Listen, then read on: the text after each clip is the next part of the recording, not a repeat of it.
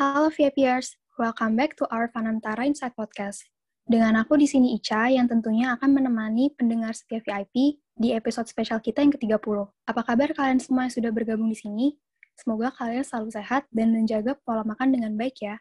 Terutama di masa pandemi saat ini harus sering-sering aware nih sama kondisi kesehatan kalian. Oh ya, tentunya di sini aku nggak sendiri, karena ada partner host aku juga di sini. Let's welcome to Liana. Halo Liana. Hai Ica dan tentunya hai VIPers. Kenalin aku Liana yang menemani Ica di sesi podcast episode ke-30 hari ini ya.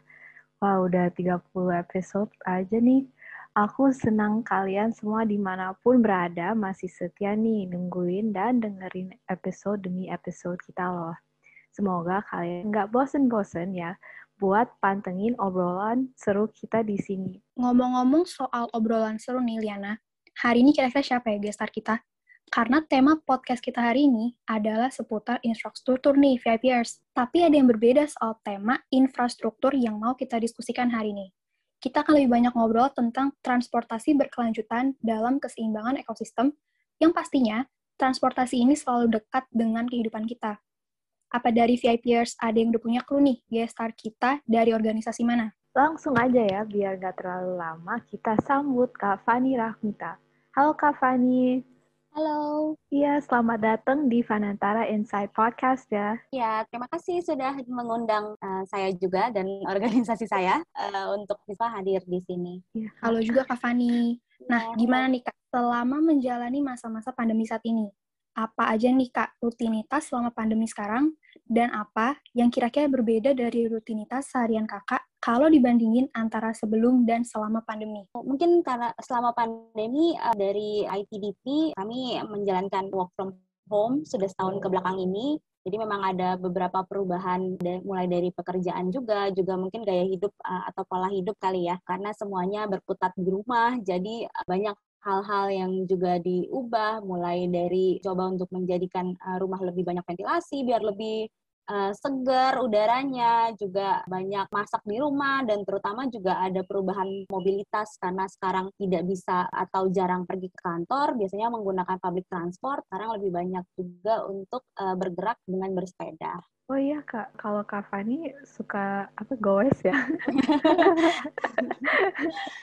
sebenarnya bukan suka goes sih, lebih kayak ya sepeda itu kan sebenarnya sesuatu alat atau moda transportasi yang memang dari dulu sudah ada gitu ya, karena eh, sifatnya yang sangat versatile dan fleksibel. Tapi mungkin karena kemarin sempat ada penurunan lalu lintas yang cukup signifikan di kota, kemudian juga orang mencari aktivitas atau kegiatan luar ruangan agar lebih sehat dan meningkatkan imun. Jadi uh, banyak yang juga mencoba untuk mulai sepeda gitu.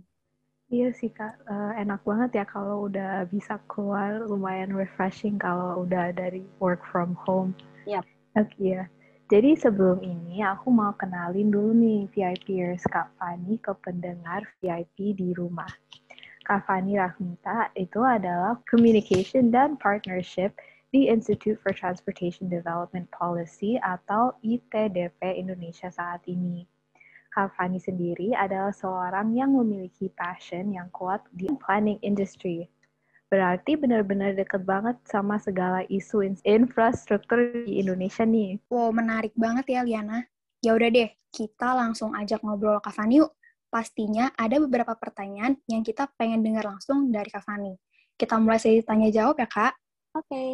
Oke, pertama ya, Kak uh, bisa ceritakan tentang organisasi Institute for Transportation Development Policy Indonesia atau ITDP Indonesia-nya ini, ini tuh sebenarnya apa, kegiatannya ngapain aja, dan latar belakang terbentuknya ITDP ini hingga saat ini. Oke, okay, jadi ITDP atau ITDP Institute for Transportation and Development Policy kami adalah NGO uh, atau non-profit organization berawal dari gerakan seorang mekanik sepeda di Boston dan juga seorang transport planner di Maryland ketika mereka membuat gerakan Bike Not Bombs, sebuah aktivitas atau kegiatan uh, protes atas pengiriman militer uh, Amerika ke Nicaragua. Uh, mereka menganggap sepeda adalah ikon uh, transportasi yang berkaitan dengan kebebasan dan juga mempunyai uh, dampak atau faedah uh, untuk mendukung ekonomi masyarakat kota. Dari situ itu gerakan Baik Not Bombs ini dimulai pada tahun 1984, kemudian satu tahun kemudian lahirlah ITDP sebagai lembaga non-profit yang percaya kalau sistem transportasi di perkotaan itu dapat meningkatkan kualitas hidup masyarakat atau manusianya kalau ditanya kegiatannya apa, kami memang output atau kegiatan yang dilakukan adalah uh, mengasistensi kota-kota, terutama di kota-kota di dunia, dalam menerapkan sistem transportasi berkelanjutan di kotanya. Kegiatannya bisa mulai dari rekomendasi teknis, hingga kampanye dan juga kegiatan atau event-event seperti diskusi publik. Kemudian ITDP ini punya kantor pusat di New York, headquarternya, tapi uh, kami juga bergerak atau beroperasi di field offices atau di kota-kota di lain uh, di dunia. Jadi uh, selain ITDP Indonesia, ada ITDP China, ITDP India, ada ITDP Brazil, ada ITDP Meksiko, ada ITDP Afrika. Wah, menarik banget ya Kak Fani. Ternyata sepeda banyak banget nih manfaatnya. Gak cuman bikin ramah lingkungan, tapi juga ternyata bikin sehat ya. Dan aku juga baru tahu kalau ternyata ITDP itu punya banyak cabang ya Kak. Iya, betul sekali. Nah, lanjut nih Kak. Dari yang aku baca dari websitenya ITDP Indonesia, ternyata lingkup program organisasi ini luas juga ya. Ada sesuatu yang menjadi fokus dan identitas program yang disebutkan, yaitu sistem transportasi terpadu menuju kota berkelas dunia yang berkelanjutan. Boleh diceritain nggak sih Kak, arti dan maksud dari fokus ITDP di sini? yang aku ceritakan sebelumnya, kami percaya sistem transportasi berkelanjutan itu dapat meningkatkan kualitas hidup manusia di perkotaan.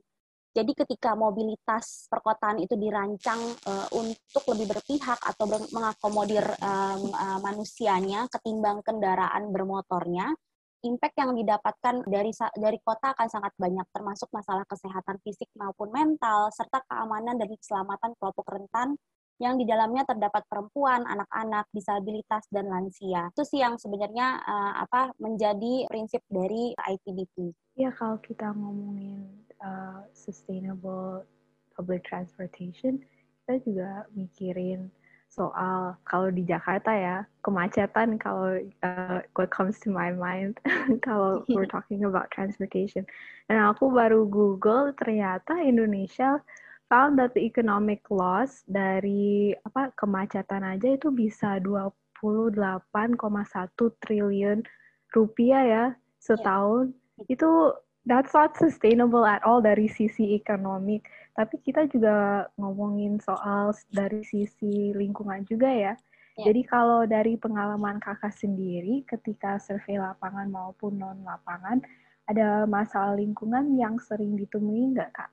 dan apa kira-kira tantangan terbesar ketika bergabung dalam ITDP? Um, sebenarnya kalau misalkan seperti yang disebutkan sebelumnya ya masalah transportasi atau mobilitas itu kan sesuatu yang sangat dekat atau yang kita lakukan gitu sehari-hari. Mm-hmm. Tapi iya. sayangnya yeah. memang di Indonesia terutama ini bukan merupakan isu yang menjadi fokus utama atau jarang mm-hmm. di, di, diperbincangkan lah gitu. Iya. Kalau ditanya apa sih yang terjadi hubungan ketika kita menerapkan konsep cars or uh, motorcycles over people gitu ya, mm-hmm. bisa dilihat dari mungkin lingkungan terdekat sendiri deh. Kalau dari uh, kalian ada yang tinggal di rumah yang bukan gated community ya, bukan komplek gitu, mm-hmm. pasti merasa makin ke sini makin bising makin ke sini uh, jalanannya makin dipenuhi oleh kendaraan pribadi atau kendara uh, kendaraan bermotor pribadi yang menjadikan jalan-jalan lingkungan itu sebagai jalan pintas. Kemudian juga makin sedikitnya dulu mungkin kayaknya masih masuk si generasi milenial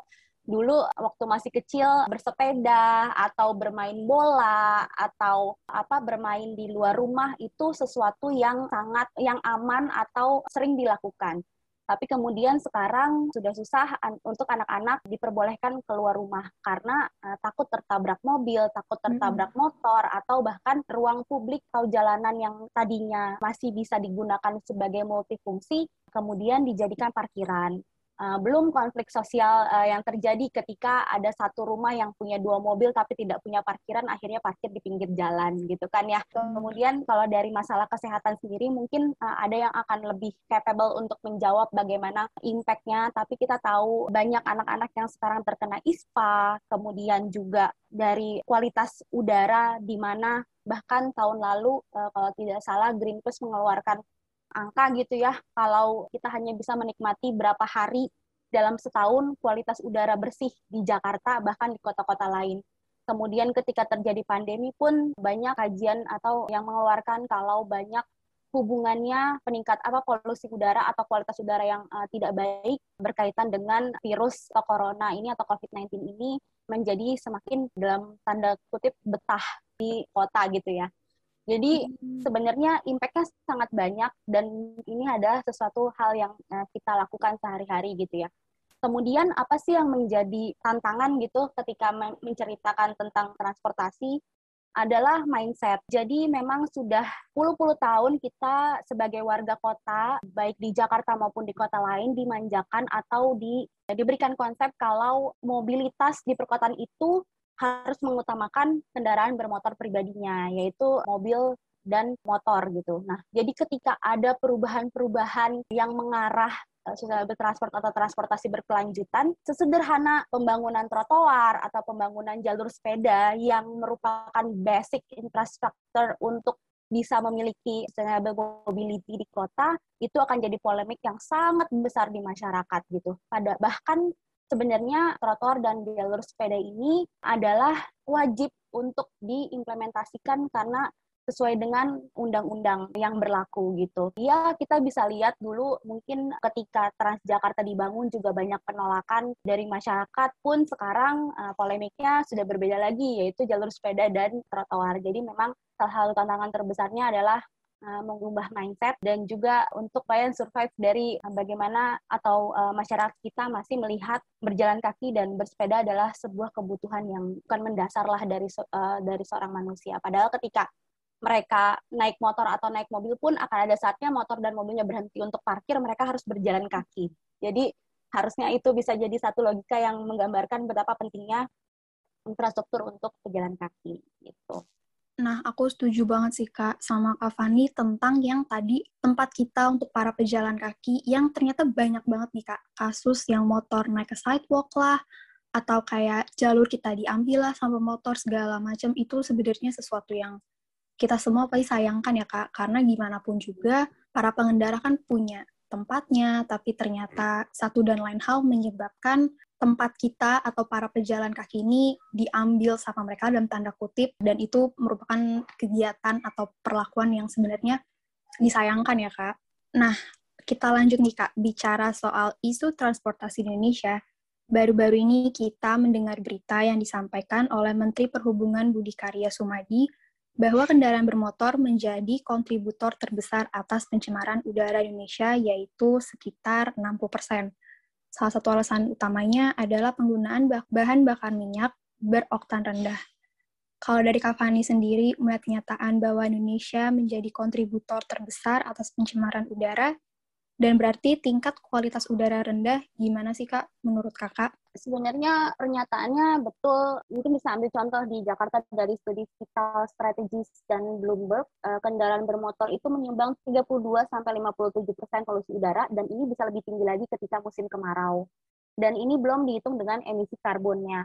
Polusi dari transportasi itu tinggi karena dua yang satu oktannya rendah, yang kedua adalah tingkat penggunaan kendaraan pribadi yang sangat tinggi. Nah, uh, sebenarnya ada dua jalan atau dua hal yang bisa ditempuh untuk mereduksi gitu ya si uh, polusi udara dari kendaraan pribadi ini. Yang pertama adalah shifting atau bagaimana membuat masyarakat beralih dari transportasi yang menghasilkan polusi ke transportasi yang bebas polusi atau yang biasanya kami sebut dengan non motorized transport atau e, transportasi tidak bermotor yaitu jalan kaki dan kemudian bersepeda. Uh, ada juga transportasi yang penggunaannya lebih efisien atau yang kita sebut juga dengan public transport atau transportasi publik. Nah, Satunya lagi, sebenarnya kita juga bisa improve uh, teknologi dari kendaraan yang rendah emisi, contohnya kendaraan listrik, khususnya yang didukung dengan sumber listrik dari energi terbarukan.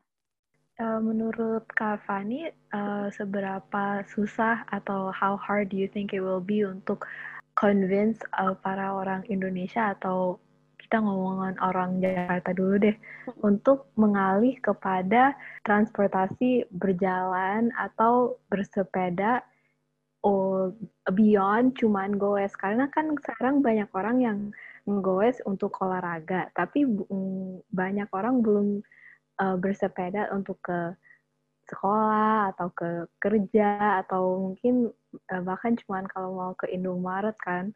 Jadi uh, menurut Kavani, how hard do you think it will be untuk mengganti atau mengalihkan mindset para orang kota?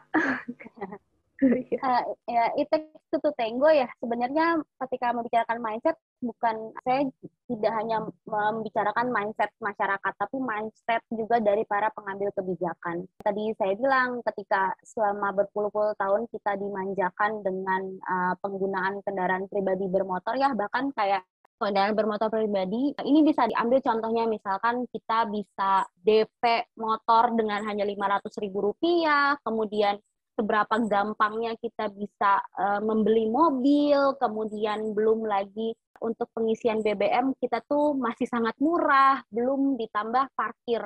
Parkir mobil di sini atau motor di sini paling maksimal itu 5.000 per jam kan sebenarnya hal-hal seperti ini atau bisa dibilang insentif untuk kendaraan bermotor pribadi itu masih sangat tinggi ketimbang ketika memberikan insentif bagi pejalan kaki dan apa jalur sepeda. Jadi ya, memang benar. tidak bisa disalahkan kalau masyarakat juga masih enggan untuk menggunakan atau memaksimalkan gitu ya fungsi uh, layanan transportasi publik, layanan trotoar, layanan di trot uh, trotoar ataupun jalur sepeda. Makanya kita uh, dalam konsep transportasi ada yang disebut dengan push and pull policy di mana pull itu adalah ketika kita menyediakan sarana atau fasilitas orang untuk bisa berjalan kaki, bersepeda dan menggunakan transportasi publik yang aman dan nyaman serta reliable gitu dan yang pullnya yang dan pushnya adalah ketika pemerintah dalam hal ini menerapkan policy di mana memaksa.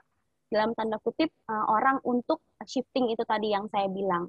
Caranya ada beberapa macam mulai dari manajemen parkir hingga penerapan ERP jadi kalau misalkan teman-teman sering pergi melancong ke luar negeri gitu ya ke kota-kota lain yang uh, mungkin penggunaan kendaraan bermotor pribadinya sangat rendah itu sebenarnya mungkin ambil contoh dari di Jepang itu sangat sulit untuk menemukan parkir mobil pun kalau ada hmm, harganya hmm. akan sangat mahal karena ketika mereka punya mobil atau kendaraan bermotor pribadi persyaratannya adalah mereka harus punya parkiran sendiri kemudian mereka harus membayar sejumlah uang kalau misalkan mereka mau parkir di tempat sewa parkir yang sangat mahal dibandingkan dengan apa yang ada di sini gitu jadi hal-hal seperti itu sebenarnya yang bisa mendorong masyarakat untuk bisa menggunakan trotoar berjalan untuk berjalan kaki, bersepeda dan juga untuk ke public transport.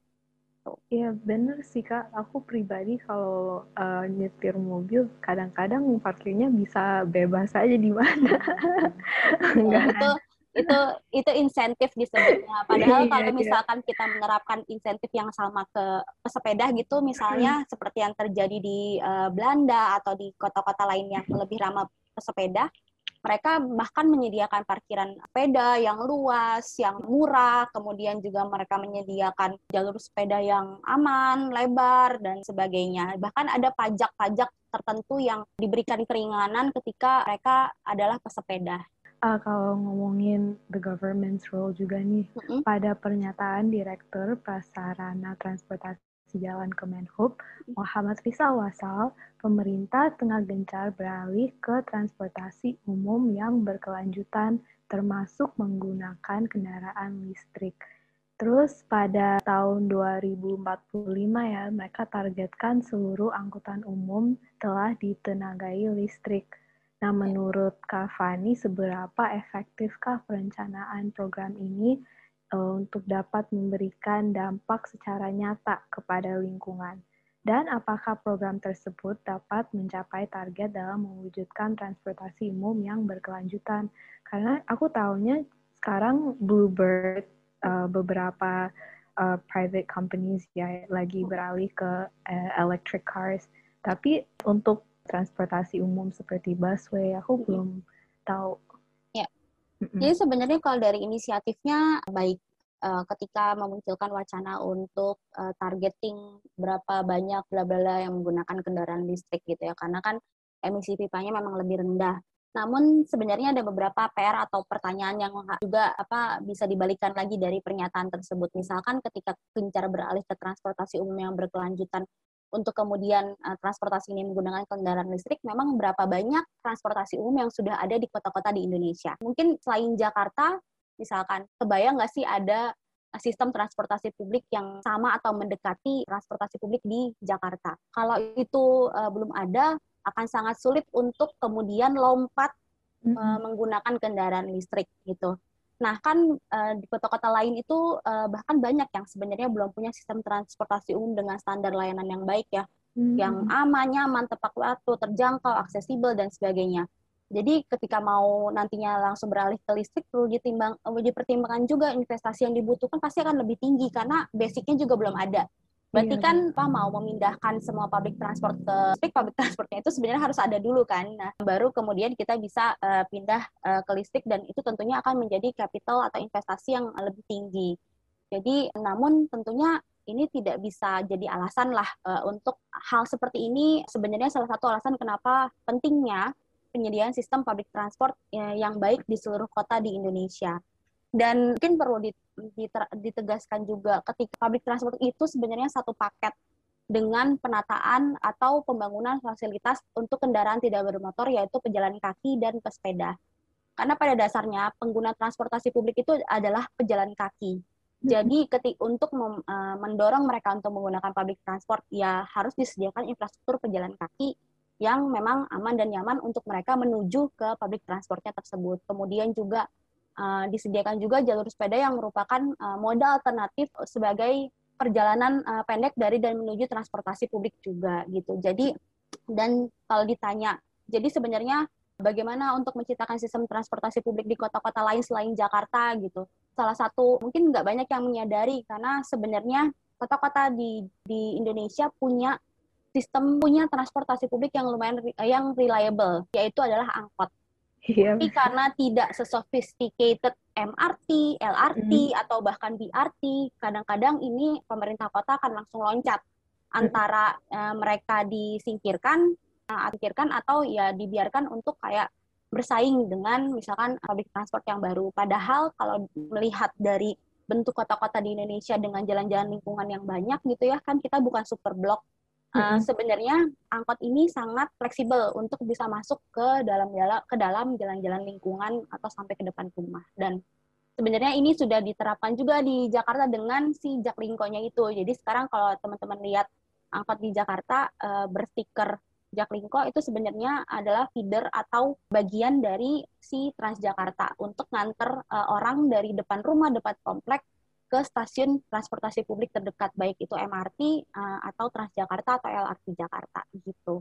Iya, aku setuju banget sih Kak yang tentang public transportation bahwa dengan kalau misalnya public transportation kita bisa terpenuhi kebutuhan kita segala macam juga pasti itu bisa menunjang ke segala aspek ya Kak karena kayaknya untuk di Indonesia permasalahan public transportation dan segala yang berkelanjutan itu menjadi sesuatu yang penting banget nih untuk kita bahas, untuk kita lebih aware juga kalau ternyata segala yang ada di dunia ini yang kita pakai, yang kita gunakan itu ternyata saling berhubungan gitu.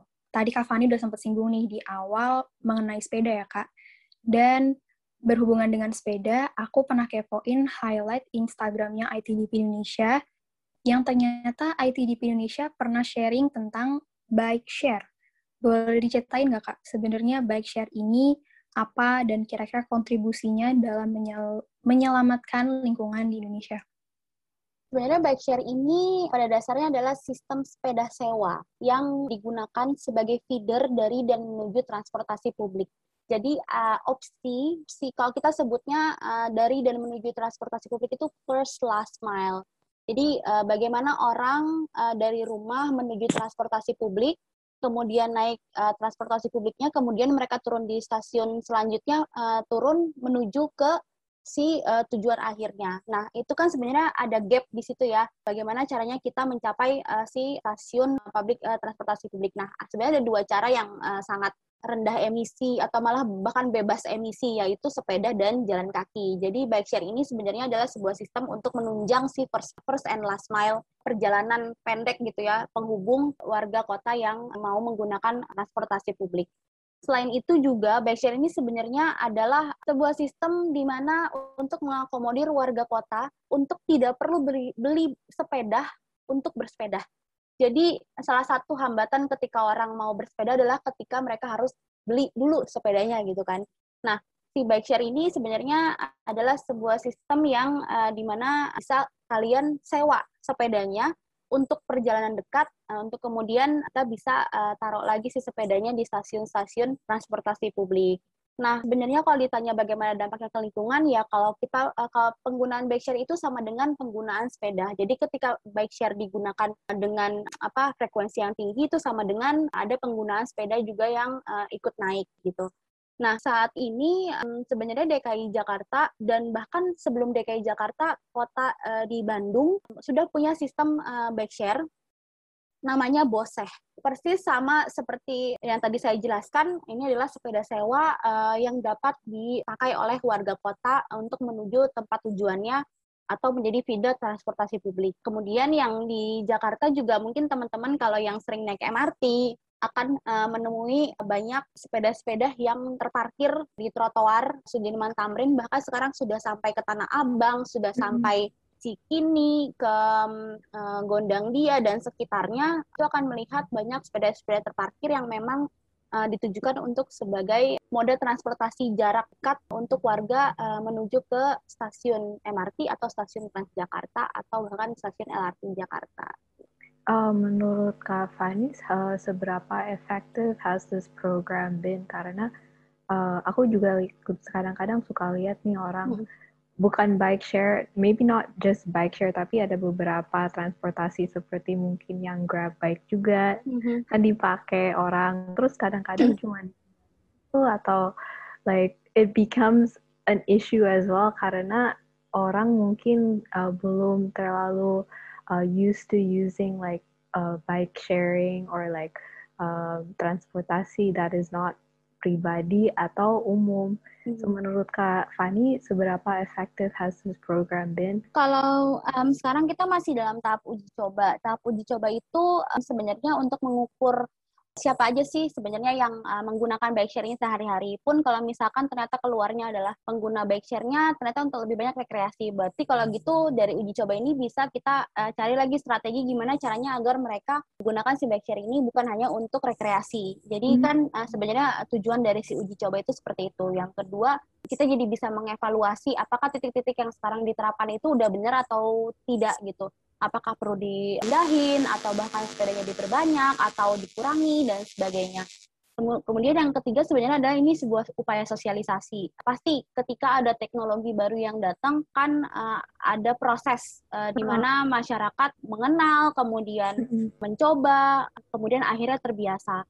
Kalau uh, karena kalau dibilang orang sekarang um, belum terbiasa ya mungkin kan ya balik lagi itu karena uh, memang ada ini kan teknologi baru bukan teknologi baru sih ini sesuatu yang baru lah ya, uh, yang orang belum pernah tahu sebelumnya. Ya kejadian juga seperti dulu Transjakarta orang nggak tahu kalau kalau ternyata uh, apa uh, bus mesti dikasih jalur khusus gitu, terus uh, dulu juga semua marah-marah gitu. Sekarang baru berasa uh, manfaatnya gitu kan. Jadi ya hal seperti ini memang berbutuh proses karena balik lagi seperti yang saya bilang kita sudah sudah sangat terlalu lama dimanjakan atau uh, terbiasa melihat pembangunan infrastruktur semua dibangun berdasarkan pergerakan mobil atau motor jadi bukan berdasarkan pergerakan uh, manusianya gitu. Jadi ketika hal-hal uh, seperti ini dilakukan selalu akan jadi polemik dan selalu akan dipertanyakan gitu. Tapi ya itu uh, merupakan proses. Ya setidaknya kita jadi ini bisa jadi jadi pembicaraan gitu ya. Bisa jadi uh, isu yang uh, dibicarakan yang kemudian nanti akan sesuatu yang bisa didiskusikan dan semoga akan jadi sesuatu yang nantinya akan jadi new normalnya. Eh,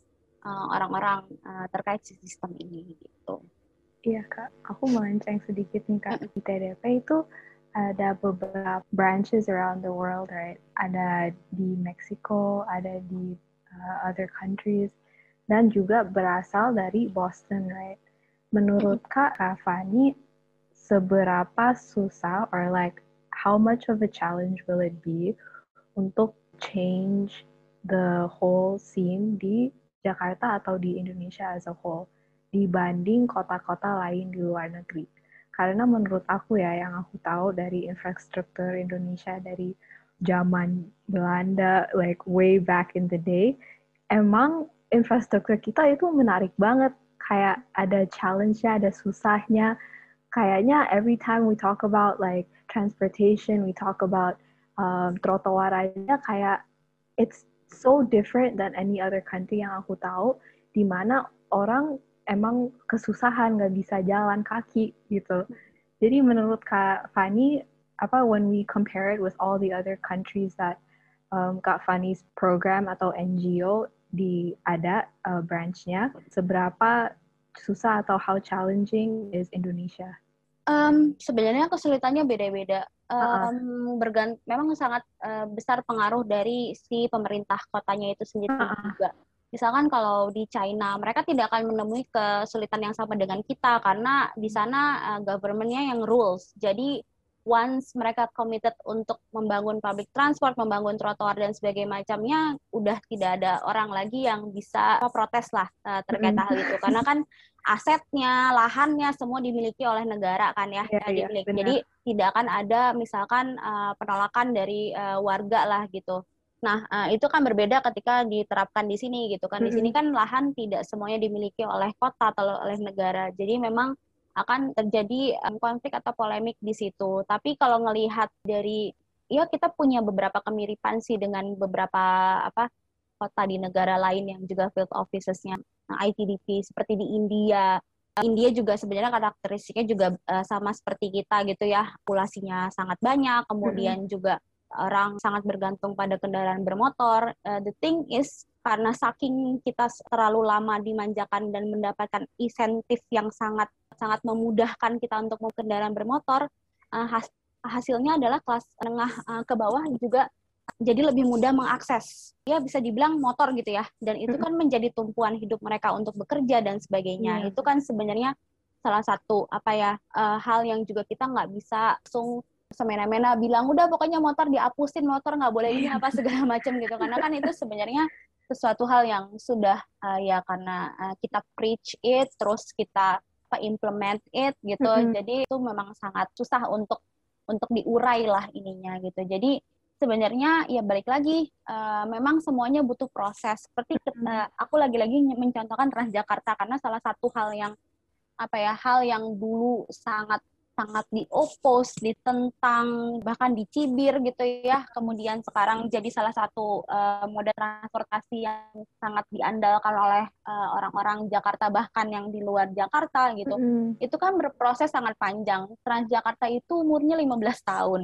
Wow, uh, iya. Jadi untuk kita sampai ke proses uh, sana memang pasti akan sangat panjang. Tapi tapi kita bisa lihat sih ketika pembangunan uh, trotoar uh, yang sangat masif gitu ya di, di Jakarta ataupun di kota lain itu bisa terjadi dalam waktu uh, apa dua sampai tiga tahun lah gitu. Mm -hmm. Ketika satu sesi pemerintahan gitulah ya itu bisa dilakukan gitu ada pembangunan yang uh, bisa dilakukan secara masif baik itu trotoar maupun jalur sepeda jadi saya sih optimis karena uh, makin ke sini orang akan uh, semakin merasakan uh, kebutuhan akan itu. Ya saya berdoa aja sih. Saya uh, dulu kita sempat juga kan kita punya ITTP Brazil. Mm -hmm. uh, di sana mereka sangat masif penggunaan uh, sepedanya. Kenapa? Karena mereka kena resesi dan mereka nggak punya opsi lain untuk berkendara kecuali menggunakan sepeda dan uh, public transport tapi buat yang mereka yang bukan yang middle class ya, mm-hmm. uh, mereka kemudian opsinya menjadi semakin sedikit lah.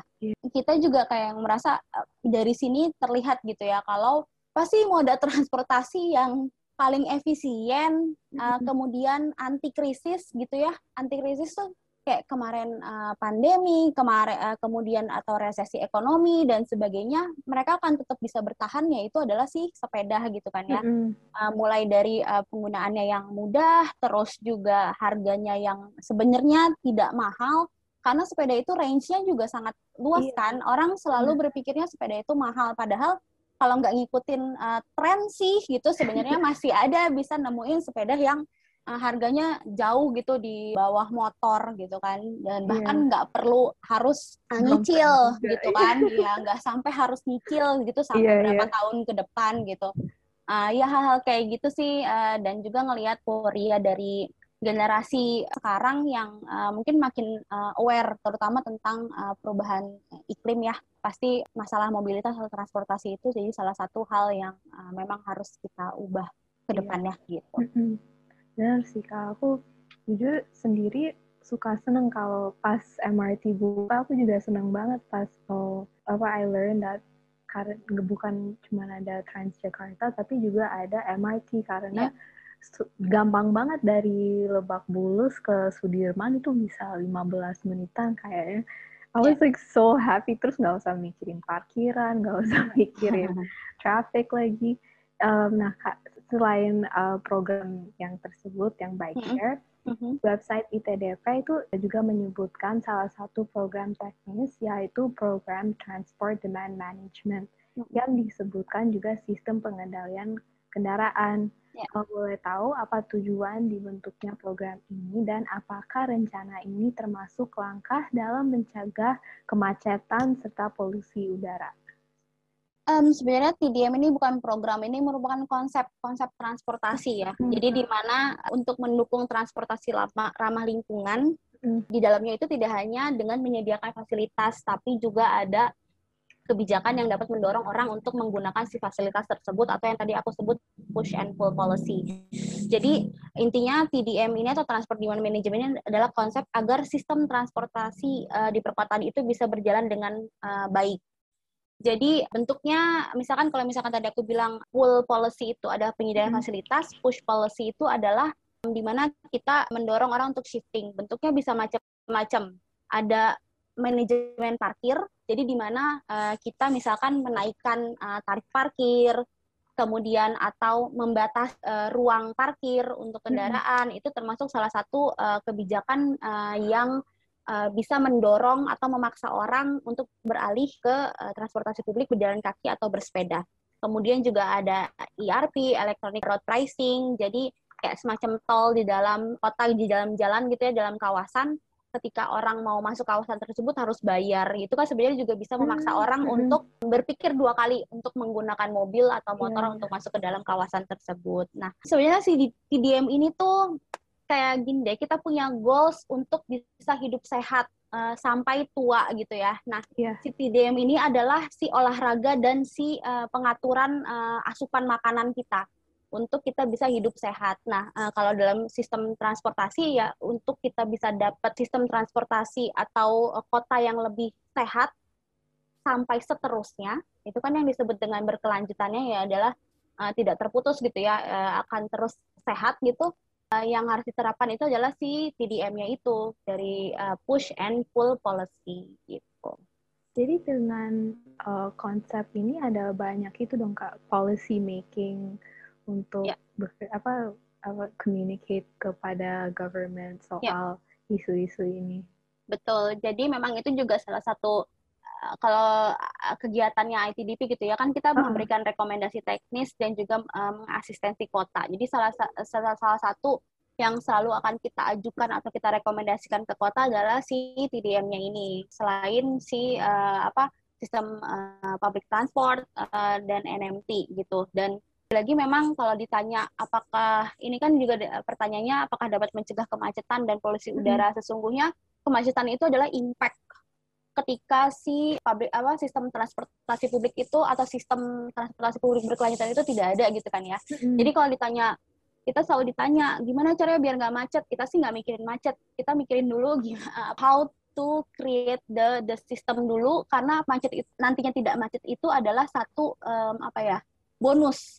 Hmm bonus punya kota gitu. Ketika sistem uh, apa transportasi publik transportasi berkelanjutan itu diterapkan di kota sama kayak olahraga gitu ya. Uh, yeah. jadi kurus itu kan bonus kan ya yang sebenarnya yang dituju itu kan sebenarnya biar kita tetap sehat uh, yeah, sampai bener. tuanya gitu. Iya, yeah, well hopefully in the future kalau ada bisa manajemen parkiran, parkiran uh, lapangan parkiran malah bisa di jadi in green space kali yeah. ya, itu lebih Betul. uh, uh, Ica ada?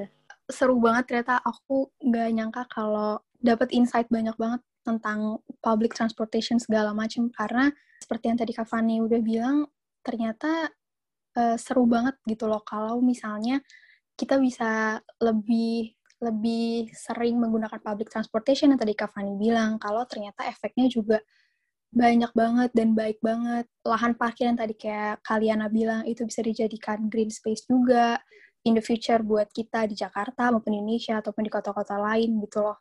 Dan lagi-lagi bener banget sih, untungnya benefitnya juga kita rasain buat kita dan generasi kita nih kalau misalnya ternyata lingkungan kita tuh jadi lebih baik, jadi lebih asri, semuanya menjadi lebih hijau dan kita-kita juga yang puas ya Kak kalau misalnya polusi kita bisa berkurang atau ya. semuanya menjadi lebih baik gitu ya kak?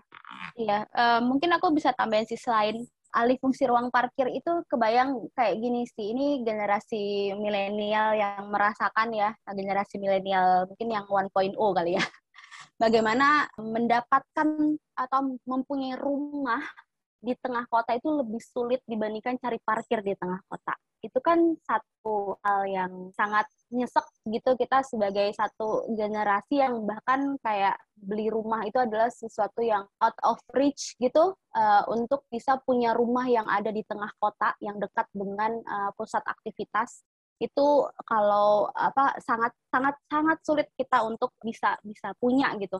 Sementara kalau kita mau parkir di pusat kota dengan 5.000 per jam kita bisa dapat.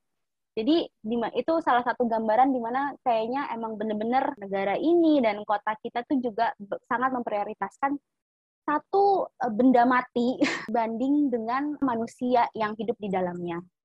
Jadi kita kehilangan hak atas hunian karena kita lebih mengutamakan ada parkiran di pusat kota, kemudian juga taman-taman atau ruang hijau yang semakin tereduksi hanya demi untuk bikin parkiran mobil gitu. Eh, hal-hal uh, seperti itu sih yang juga sebenarnya mungkin bisa jadi wake up calling buat kita semua.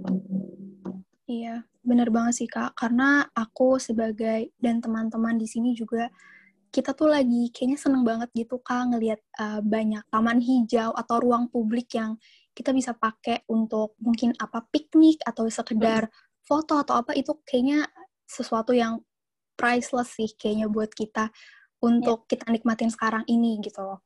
Nah, kira-kira aku mau nanya nih Kak, dari sudut pandang Kakak sendiri, buat kita nih para generasi milenial gitu, Kira-kira apakah saat ini sudah cukup baik nih Kak dalam memahami pentingnya menerapkan transportasi berkelanjutan yang kira-kira apakah bisa membawa dampak positif gitu atau kira-kira masih ada nggak sih Kak PR-PR yang harus kita perbaiki dulu nih sebagai karakter milenial untuk memahami bahwa seperti yang kita bahas tadi bahwa pentingnya untuk sadar lingkungan terutama penggunaan transportasi pribadi maupun umum sebagai modal mobilisasi kita sehari-hari, Kak? Justru aku melihatnya uh, generasi milenial uh, mungkin akhir ya, karena generasi milenial kan sebenarnya umurnya sangat range sangat luas ya dari uh, mungkin yang sekarang umur 30-an juga masuknya ke generasi milenial, tapi aku ngelihat justru generasi milenial mungkin mendekati yang generasi uh, Gen Z-nya ini salah satu generasi yang bikin isu transportasi ini jadi naik atau jadi pembicaraan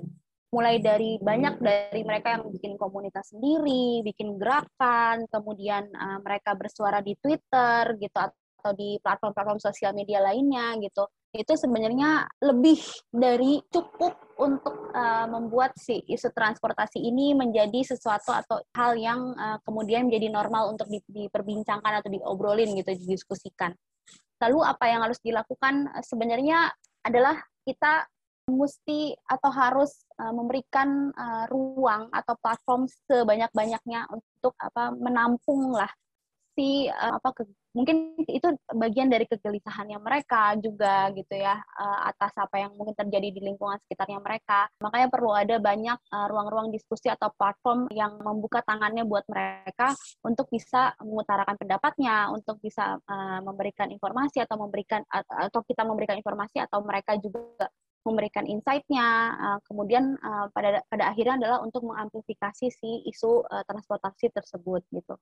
Aku melihatnya apa generasi milenial itu seperti itu ya, mereka benar-benar sangat membantu untuk kita bisa menjadikan si isu transportasi ini sebuah pembicaraan yang normal di ruang publik. Sekarang mungkin uh, ke depannya adalah bagaimana caranya memberikan panggungnya ke mereka gitu, karena mungkin kalau di Indonesia usia itu masih sangat menjadi ini ya. Isu. Uh, ya, iya isu kayak kalau kamu lebih uh, muda pasti kamu harusnya uh, yang lebih tua dulu yang ngomong uh, apa sebagainya. Jadi hal-hal seperti itu sebenarnya harus uh, jadi apa harus kita mulai gitu ya sebagai mungkin sebagai sebagai lembaga juga sebagai organisasi yang uh, lebih fokus di isu ini juga harus mulai memberikan ruang ruang-ruang diskusi atau platform yang lebih luas lagi kepada mereka untuk bisa menyampaikan uh, aspirasinya dan juga kegelisahannya karena nggak jarang banyak banget dapat uh, insight atau bahkan hal-hal yang lebih kreatif gitu uh, atau lebih lebih tepat guna gitu ya kesasaran ketika uh, banyak uh, berdiskusi juga dengan mereka. Jujur aku setuju banget sama poin yang uh, kita punya kegelisahan untuk mengutarakan itu di platform sosial media atau di mana pun karena kayaknya salah satu benefit menjadi generasi milenial adalah kita diberikan apa ya diberikan kesempatan kali ya kak atau diberikan ya. ruang untuk speak up untuk mengutarakan apa yang kita rasakan bahkan mungkin yang paling gampang kayak cuman posting sesuatu nge-tweet sesuatu ternyata oh ternyata kita tuh peduli gitu loh dengan ya. apa yang terjadi di sekitar kita dan itu mungkin bisa jadi modal utama modal sederhana yang simple tapi ternyata justru itu menjadi salah satu keuntungan juga buat kita karena artinya oh kita masih sadar nih sama apa yang terjadi di sekitar kita ya kak. Ya. Jadi aku sebagai generasi milenial aku seneng banget sih buat kita kita untuk uh, bisa aware bisa sadar sama lingkungan di sekitar kita nih kak. Setuju nggak kalian nih? Iya setuju. Cak, mau tanya juga Kak Fani, menurut Kak Fani, what is like the one thing besides um, kita ngomongkan or bersuara di sosmed mm-hmm. dan di mm-hmm. lingkungan kita yang milenial bisa uh, melakukan untuk uh, apa ya meningkatkan like our awareness soal public transportation, mm-hmm. sustainable transportation as well. Apakah itu uh, as easy as menggunakan public transportation atau uh, what are some of the things that we can do that uh, millennials can do? Um, sebenarnya banyak banget sih kayak mispersepsi juga ketika ketika ngomongin kota ah, transportasi berkelanjutan orang akan pasti langsung nunjuk untuk pakai dong public transport uh -uh. uh, pakai apa jalan kaki mulai dong gitu ya uh, sesungguhnya itu juga kan satu apa ya gaya hidup yang kita juga perlu berproses untuk untuk untuk berpindah lah dari hmm. dari hal yang biasa kita lakukan kemudian ke hal yang baru gitu saya hmm. juga dulu sebelum bergabung dengan ITDP merasa kayak merasakan perubahan uh, gaya hidup tersebut gitu. Nggak selalu hal yang apa hal yang baik langsung langsung ada gitu. Uh, apalagi ya uh, apalagi perempuan. Hmm. Jadi uh, ketika menjadi perempuan uh, hmm. perlu di apa di knowledge juga kerja pengalamannya pasti akan tidak sama dengan uh, yang dialami oleh laki-laki uh, ketika yeah. mulai untuk menggunakan uh, fasilitas publik gitu. Nah, itu uh, akan sangat berbeda pengalamannya atau outcome atau feedbacknya gitu. Jadi saya sih selalu bilang uh, setidaknya uh, pertama gini, mungkin oke okay, boleh mencoba, tapi jangan terhenti hanya mencoba sekali. Iya. Karena justru ada pengalaman yang bisa mungkin didapat ketika mencoba sekali itu ada pengalaman terutama uh, balik lagi saya bilang perempuan akan hal apa mungkin nggak enak gitu kali ya atau mungkin yang beruntung bisa langsung dapat pengalaman yang enak gitu hmm Saya sih menyarankan untuk tidak mencoba sekali, tapi berkali-kali menggunakan misalnya transportasi publik, uh, jalan kaki atau sepeda uh, di kota. Give it a chance. Iya, yeah, benar. S-nya banyak. uh, S-nya banyak gitu. Um, kemudian setelah itu nggak uh, selalu melulu harus berubah drastis. Mungkin tadinya kayak ke mana-mana naik motor, naik uh, mobil, pokoknya saya mau ikut mendukung lingkungan tiba-tiba besok langsung full pakai public transport. Bla, bla, jalan kaki gitu dari sini ke kantor yeah. apa dan sebagainya gitu uh, nggak harus selalu begitu sebenarnya uh, ada hal-hal yang bisa dilakukan bertahap aja mungkin tadinya naik motor dari rumah yang ada di selatan sama rumah kantornya di Sudirman Tamrin hmm. uh, mungkin bisa naik motornya sampai Blok M doang dari Blok M diparkir cobain naik Transjakarta ke tengah kota atau naik MRT ke tengah mm -hmm. kota gitu. Itu kan sebenarnya juga salah satu proses untuk bisa beradaptasi lah gitu ya. Kemudian itu kan butuh kepedean, butuh tahu ini saya ada di mana, ini uh, kalau mau ke sini harus pakai rutenya yang mana, busnya seperti apa gitu. Itu kan uh, proses adaptasinya juga ada di situ. Perlahan-lahan aja gitu. Mungkin uh, bisa dicoba misalnya dengan berjalan kaki. Kalau tadinya dari rumah ke mau ke Indomaret aja naik motor, iya, ini cobain jalan kaki. Atau mungkin sampai jalan kaki sepedaan gitu kan. Itu kan sebenarnya uh-huh. dari hal-hal yang kecil gitu sendiri juga. Atau mungkin yang ketiga ini yang uh, kita juga selalu saya coba kasih tahu ke orang-orang gitu ya. Ketika sudah mencoba terus uh, melakukan secara bertahap, kemudian kembali balik lagi uh, di kursi pengemudi, baik jadi pengemudi mobil atau motor, coba diingat-ingat lagi pengalamannya. Enak nggak sih jalan kaki atau naik sepeda di Jakarta atau di kota-kota lain yang uh, kayaknya ke kanan dikit langsung diklakson, ke kiri dikit um, ada lobang, terus uh, trotoarnya naik turun naik turun gitu kan ya. Terus lagi naik public transport mau turun dipepet sama orang gitu. Jadi yeah. dari, kita bisa dari situ kan sebenarnya kita ber, bisa ngerasain kemudian berempati gitu ya. Ketika nanti kita balik lagi jadi uh, pengemudi mobil atau motor, coba deh dirasakan lagi pengalamannya, kemudian kemudian diterapkan untuk lebih berhati-hati ketika mengemudikan mobil atau motor. Uh, ingat aja sebenarnya di, di dalam uh, kota itu kecepatan itu nggak boleh lebih dari uh, mereka bilangnya 50 tapi menurut saya 50 itu udah sangat cepat di jalan arteri ya itu sangat sangat sangat tinggi gitu.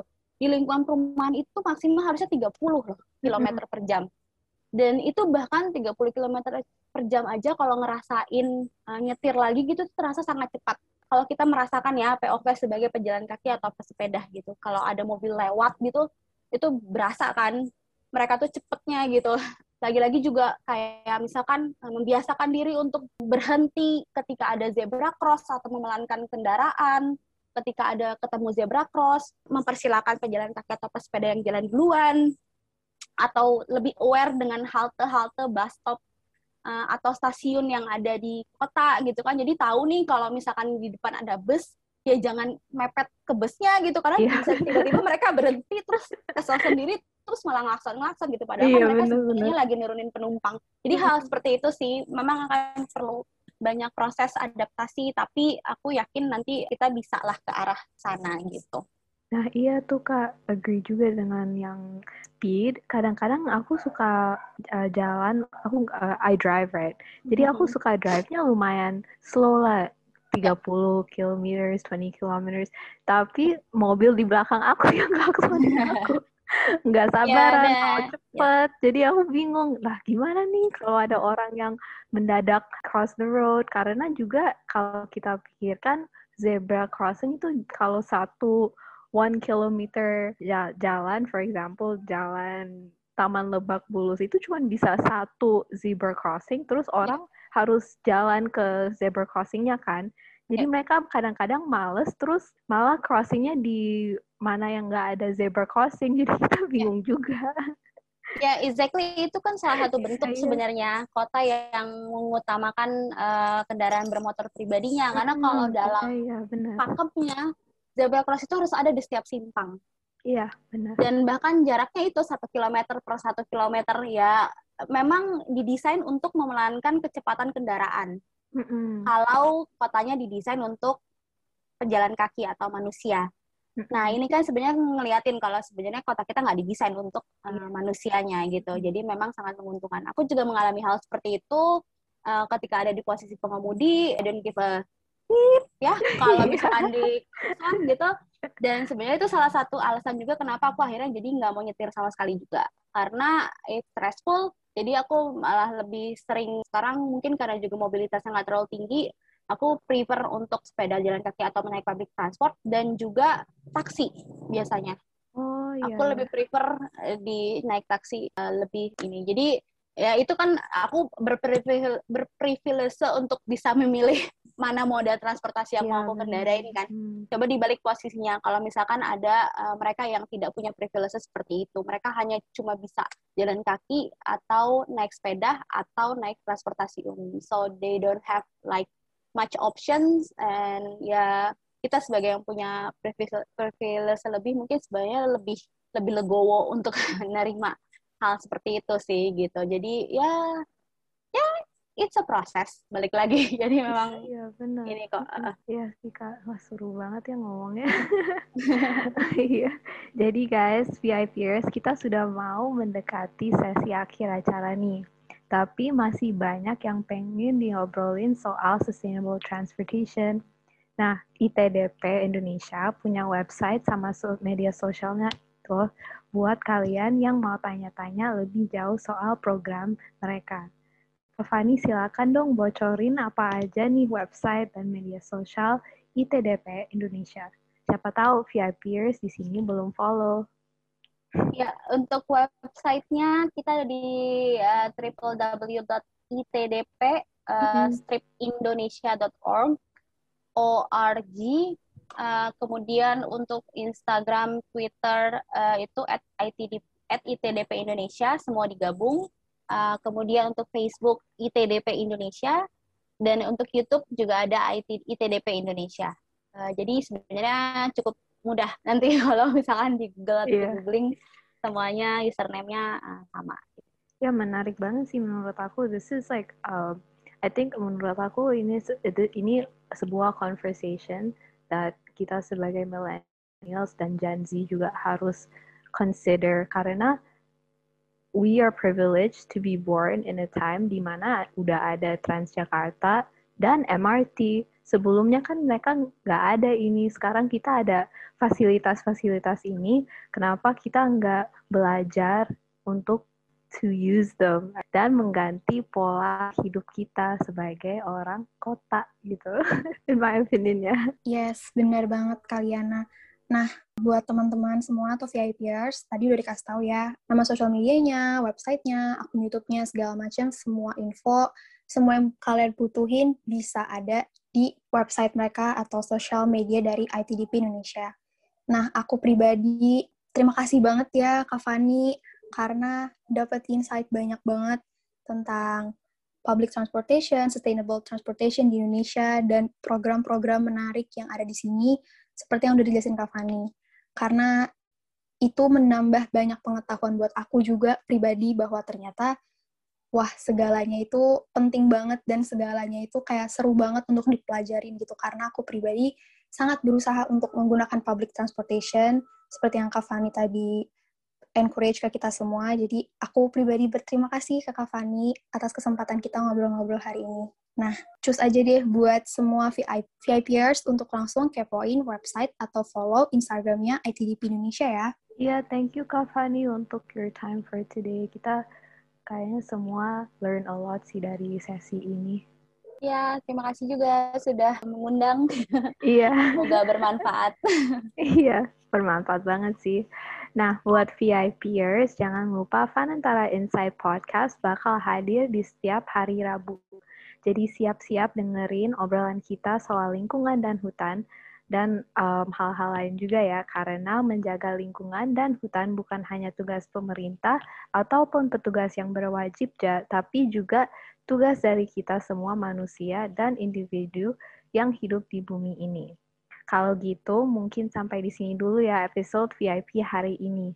Kalau ada kritik dan saran, kalian bisa kirim langsung ke DM Instagram kita at fanantara underscore com. Sampai jumpa semuanya. Sampai jumpa Bye. semua.